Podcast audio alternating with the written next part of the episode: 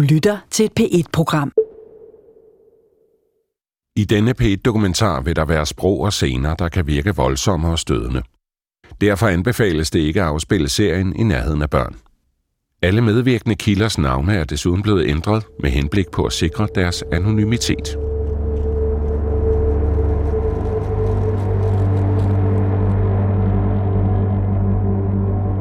Kasper har efter flere beskeder fået Sofie overbevist om, at han ikke er endnu en mand på nettet, der er ude på at chikanere hende. Jeg spørger ind til, øh, hvordan det hænger sammen, og hvorfor det foregik, som det gjorde, og hvad han skrev, og, og hvad der i første omgang var motivationen for, for hende, for indvillige at gøre sådan noget. Det var helt tydeligt, hvor, hvor påvirket øh, hun var i det. Jeg var broke. Jeg havde brug for penge til at betale min gæld af. Og derfor troede jeg, at det her var en god idé. Så jeg sendte et par billeder og videoer. Og så begyndte han at kræve, at jeg skulle gøre nogle vildt ubehagelige ting, som jeg ikke havde lyst til. Han offentliggjorde billederne af mig, og jeg fandt mig selv på en hjemmeside. Det har gjort mig så deprimeret, at jeg på et tidspunkt overvejede at tage mit eget liv. Hun skrev også til mig, at hun havde svært bare altså, stole på andre øh, venner, hun havde kendt lang tid. Hun havde svært ved at kolde sig selv ud, og hun følte, hun var, hun var klam, og hun var ulækker. Jeg stoler ikke på nogen længere. Jeg overvejer alting, og jeg er meget nervøs hele tiden. Hver dag spekulerer jeg på, om der er nogen, der vil finde videoerne og billederne af mig. Jeg går i terapi, men selv der frygter jeg at tale om det. Jeg følte mig som et vrag, og jeg skulle sende videoer af mig selv grædende til ham. Jeg skulle fortælle ham, hvor værdiløs jeg var.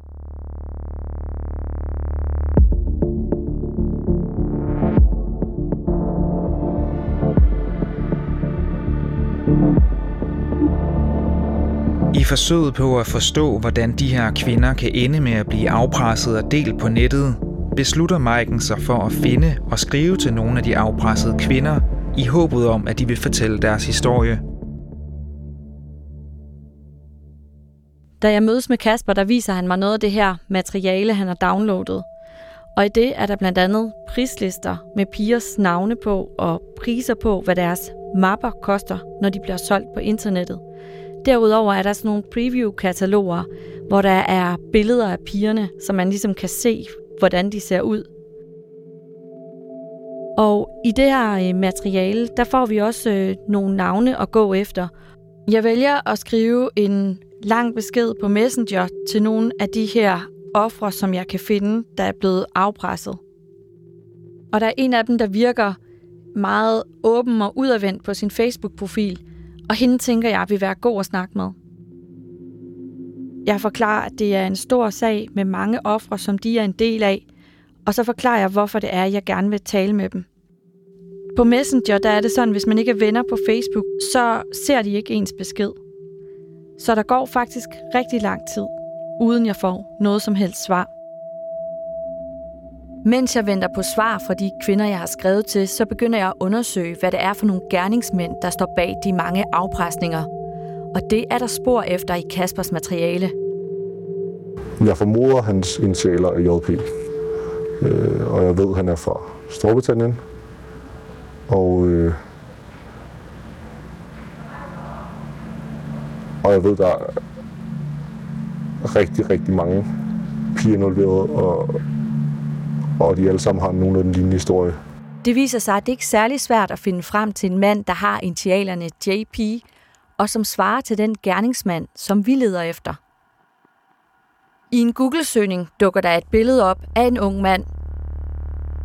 Manden på billedet hedder Joshua Probert. Han er i 2018 blevet idømt 12 års fængsel for overgreb og afpresning af 26 kvinder på nettet. Men det er ikke kun kvinder, som Joshua Probert har udnyttet og krænket. Af de 26 ofre er 11 af dem mindreårige.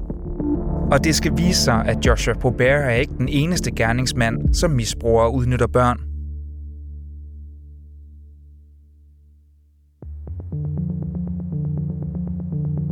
Hendes mørke hår er stort og krøllet. En midterskilling indrammer hendes hvide smil, mens hun danser nøgen rundt foran sin seng. Midt i dansen stopper hun op og kigger sig over skulderen. Hun smiler lige ind i kameraet. Det her det er den første video, hun sender til sin gerningsmand.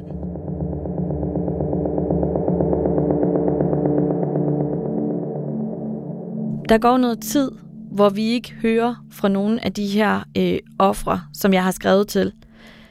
Og så er det, at øh, jeg sætter mig for at finde en af dem. Og øh, vi aner ikke, hvor hun bor, men vi kender sådan det lidt større område, hun bor i, og det gør vi fra hendes Facebook-profil. Her kan jeg se, at hun har et barn, og barnet har en skoleuniform på. Og jeg tænker, at det er en god måde at finde frem til, hvad det er for en by, hun bor i. Så derfor leder jeg efter skoleuniformer i Nordengland. Og lige pludselig, efter at have gået utrolig mange skoleuniformer igennem, så er der et match. Nu har jeg altså fundet ud af, hvilken by kvinden bor i, men før vi når at tage afsted, så skriver hun til mig, at hun gerne vil mødes, og vi køber flybilletter. Men da mødet nærmer sig, så holder hun op med at svare på mine beskeder, og vi vælger alligevel at tage afsted til England.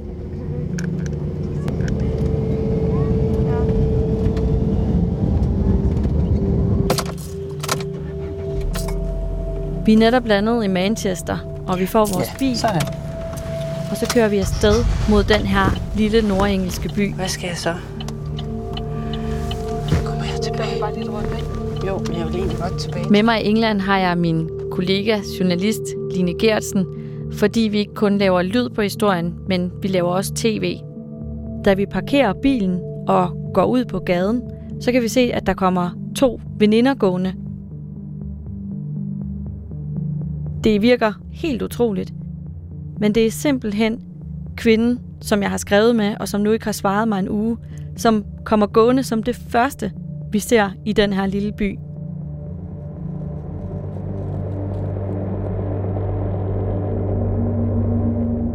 Jeg bliver lidt usikker på, hvad jeg skal gøre, fordi hun kommer jo gående med en veninde. Og det her, det handler om noget, hun måske slet ikke har fortalt nogen som helst. Men jeg tænker, at jeg bliver nødt til at ligesom kalde på hende. Jeg kalder hendes navn, og så vender hun sig om, og så ser hun helt utroligt overrasket ud. Hun fortæller mig så, at hun ikke har svaret på mine beskeder, fordi at hendes internet har været lukket, fordi hun ikke har kunne betale regningerne. Hun inviterer os hjem til hende om aftenen, så vi kan snakke sammen. Kvinden, som Maiken har skrevet med, hedder Emma. Hendes historie viser, at efterhånden som afpresningen udvikler sig, bliver det sværere og sværere at slippe fri fra gerningsmanden. Hun er midt i 20'erne, og ligesom mange af de andre ofre, så startede det hele med et nøgenbillede. Um, one of my friends asked me to do modelling. They'd been asking me for years to do modelling. I kept saying no, but then I thought, why not? The pictures have got leaked to someone, I don't know who. This random guy had messaged saying that he'd had these photos of me, and that if I don't do what he says, then he'll be posting them all over the internet. Fra at ønske nøgenbilleder vil gerningsmanden nu have, at Emma skal sende ekstreme og ydmygende film af sig selv. If I didn't do what he said, um, like eating the toast off the floor like a dog, then he'd be posting the pictures everywhere. So I thought, I'll just do it, and then he won't. But then once you did one thing, he'd tell you to do something else and something else. I had to write rude words all over my body and had to be a red lipstick.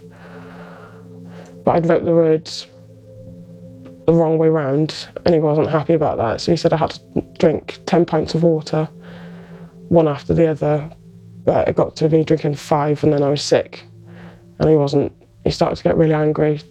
So I thought I'll just do, just do the one thing, eating the toast off the floor and that'll be fine. But then it just got worse. He just kept telling me to do other things. I don't know why I did it, to be honest. Hver eneste gang lover gerningsmanden, at han ikke vil dele videoerne, så længe Emma adlyder. Just feel really low embarrassed all the time. Afpresningen påvirker Emma så meget, at hun må starte på antidepressiv medicin. I felt quite embarrassed walking down the road if like someone had seen it and I didn't know, then I just felt really embarrassed and I wouldn't go out quite a lot. I still don't go out quite a lot now. Probably I only go back and forth to school or go out on a Sunday And that's it. I tend to stay in every day. Even though probably no one around here has ever seen anything. It's just really horrible. I think I went back on me antidepressants after this. Men det er ikke kun billeder og videoer af Emma, der bliver delt på nettet. Efter et stykke tid får Emma flere henvendelser fra folk, der vil afpresse hende. Random people started messaging on Instagram, uh, asking for more pictures, and if I didn't, then they'd put the pictures they already had of me up on the internet and show all my friends and family them as well. En af dem går så langt at tro med at dele et billede af Emmas barn. And at some point, he was uh, putting up a picture of your son. Yeah. He'd got it off my Facebook and stuck it up on the internet, saying that he was really pretty. So it's a bit disgusting. That's when it freaked me out. Because she shouldn't be put on websites. Well, no one should. Because that's my kid. Yeah. How are you feeling today? It's. I feel a lot better now I've actually spoken to you two about it. And the reason why you feel better speaking about it, can you explain that? It's just it seems a bit easier if somebody else knows and that you're not the only one. People can actually help you. Yeah. Som nævnt tidligere har Sophie, som Kasper har chattet med, gemt en lang række messengerbeskeder med sin gerningsmand, der kalder sig JP. Men da hverken Sophie eller beskederne har været en del af retssagen mod Joshua Pobert, kan vi ikke med sikkerhed sige, at han er Sophies afpresser. Det samme gælder Emma. Men meget tyder på, at det er ham, der er gerningsmand til de to, og de 75 andre ofre, som vi har kunne dokumentere på baggrund af Kaspers materiale. Blandt andet tvang Joshua Pobert sine ofre til at skrive på sig selv med for eksempel rød læbestift, hvilket også er tilfældet i afpresningen af Sophie og Emma. Begge kvinder stammer også fra det samme område som mange af ofrene i retssagen. Og så har Sophie og Emma begge været udsat for de samme ekstreme overgreb som Joshua Poberts ofre. Det kommer blandt andet til syne i korrespondancen mellem Sophie og JP, som vi har fået lov at læse. Bare så vi forstår hinanden. Vores aftale gælder 300 pund. Yes. Det vil være et minimum af syv videoer og 20-30 nøgenbilleder. Du har rigeligt med videoer og billeder. Det her var aftalen. Betaler du mig? Du skal ikke fortælle mig, hvad jeg skal gøre, din lille sure lort. Film dig selv, hvor du græder. Du sagde et par enkelte nøgenbilleder. Ikke film, hvor jeg skal bruge hele dagen på at nedgøre mig selv. Bare film det. Hvor mange penge har du på kontoen lige nu? Lad mig gætte. Ikke en skid. Alt det her tænder mig. Hvorfor kan du ikke acceptere det? Jeg nyder det. I de følgende uger sender Sophie flere og flere videoer til JP. Samtidig bliver misbruget mere og mere ekstremt. I de næste beskeder kan vi se, hvordan samtalen vender, hvordan de seksuelle krænkelser stopper, og i stedet går over i ydmygende og selvskadende overgreb. Ned på din fucking knæ ved toilettet. Film dig selv med hovedet i toilettet, mens du skyller ud. Vær sikker på, at dit hoved er dækket med vand fra toilettet, og dit hår er drivende vådt.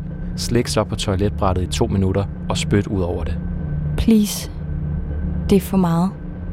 Jeg vil have, at du laver endnu en video. Men denne gang skal du bruge mere spyt og tre fingre i dit røvhul. Jeg kan jo ikke engang få én finger op. Tre er helt umuligt. Du skal blive ved med at dreje rundt og vise dit røvhul fyldt med spyt. Please. Jeg kan ikke lave mere anal. Tag lige et øjeblik og tænk over din økonomiske situation. Hvordan vil du betale din gæld af? Jeg ved det, men det her er for langt ude. Jeg beder dig ikke mere. Please, jeg beder dig alt andet. Jeg græder, fordi jeg virkelig ikke vil gøre det. Film dig selv, der græder. Slå dig selv. Det her er alt for langt ude. Kan du ikke forstå det? Det tænder mig og ødelægger dig. Vi kan jo ikke være sikre på, at Joshua Pobert og JP er den samme mand, men vi føler os overbevist om, at det er Joshua Poubert, der har afpresset Emma og Sophie og mange andre ofre i den her sag. Vi vil gerne have præsenteret Joshua Poubert eller hans advokat for det, vi har fundet frem til, Men selvom jeg har skrevet flere gange, så er ingen af dem vendt tilbage. Derfor opsøger vi Jasper Boberts hjemby, Grimsby. Oh. Drej til venstre, og drej derefter til venstre.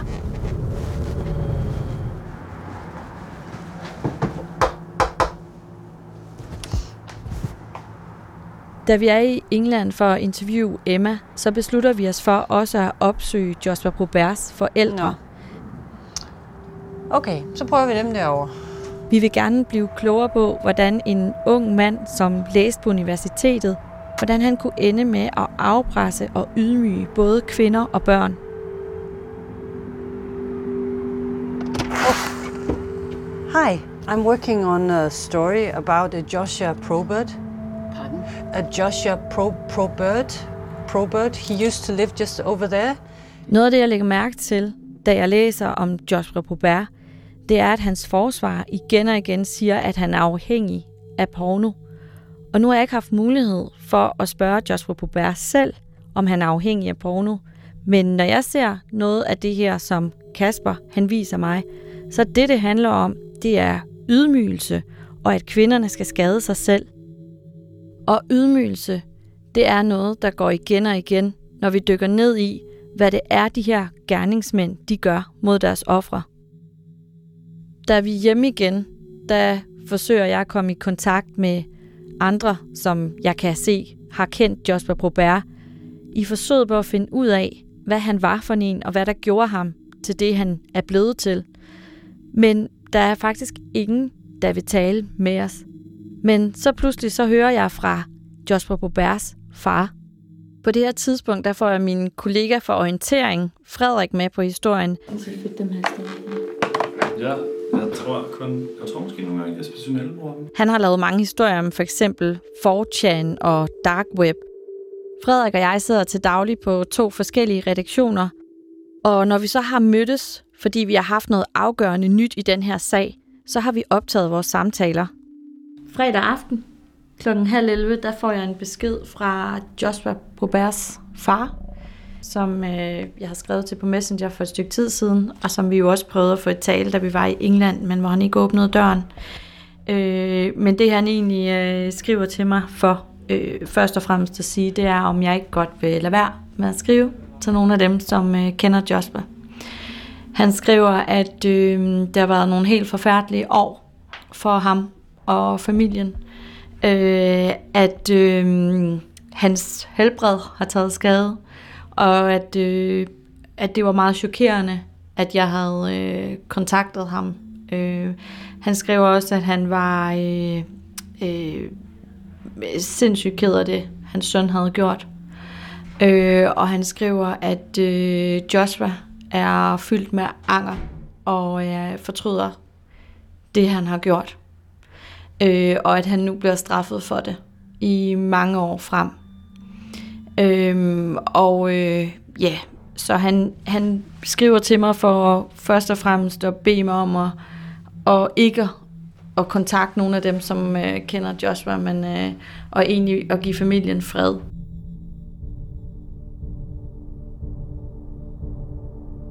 Indtil nu har vi hele tiden troet, at billederne og videoerne af de afpressede kvinder kun var at finde i de hemmelige forarer på nettet – men nu kan vi se, at materialet har fundet vej til store mainstream pornosider, men det er ikke det eneste sted på det åbne internet. Billederne og videoerne kan nemlig ses af enhver på verdens mest besøgte hjemmeside.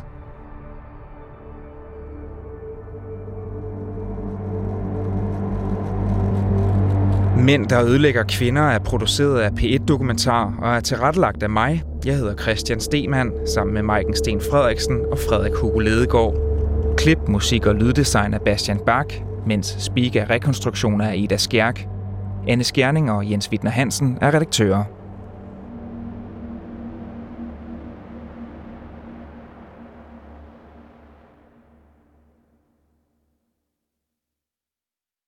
Du kan finde alle P1-programmer på dr.dk-p1. Det giver mening.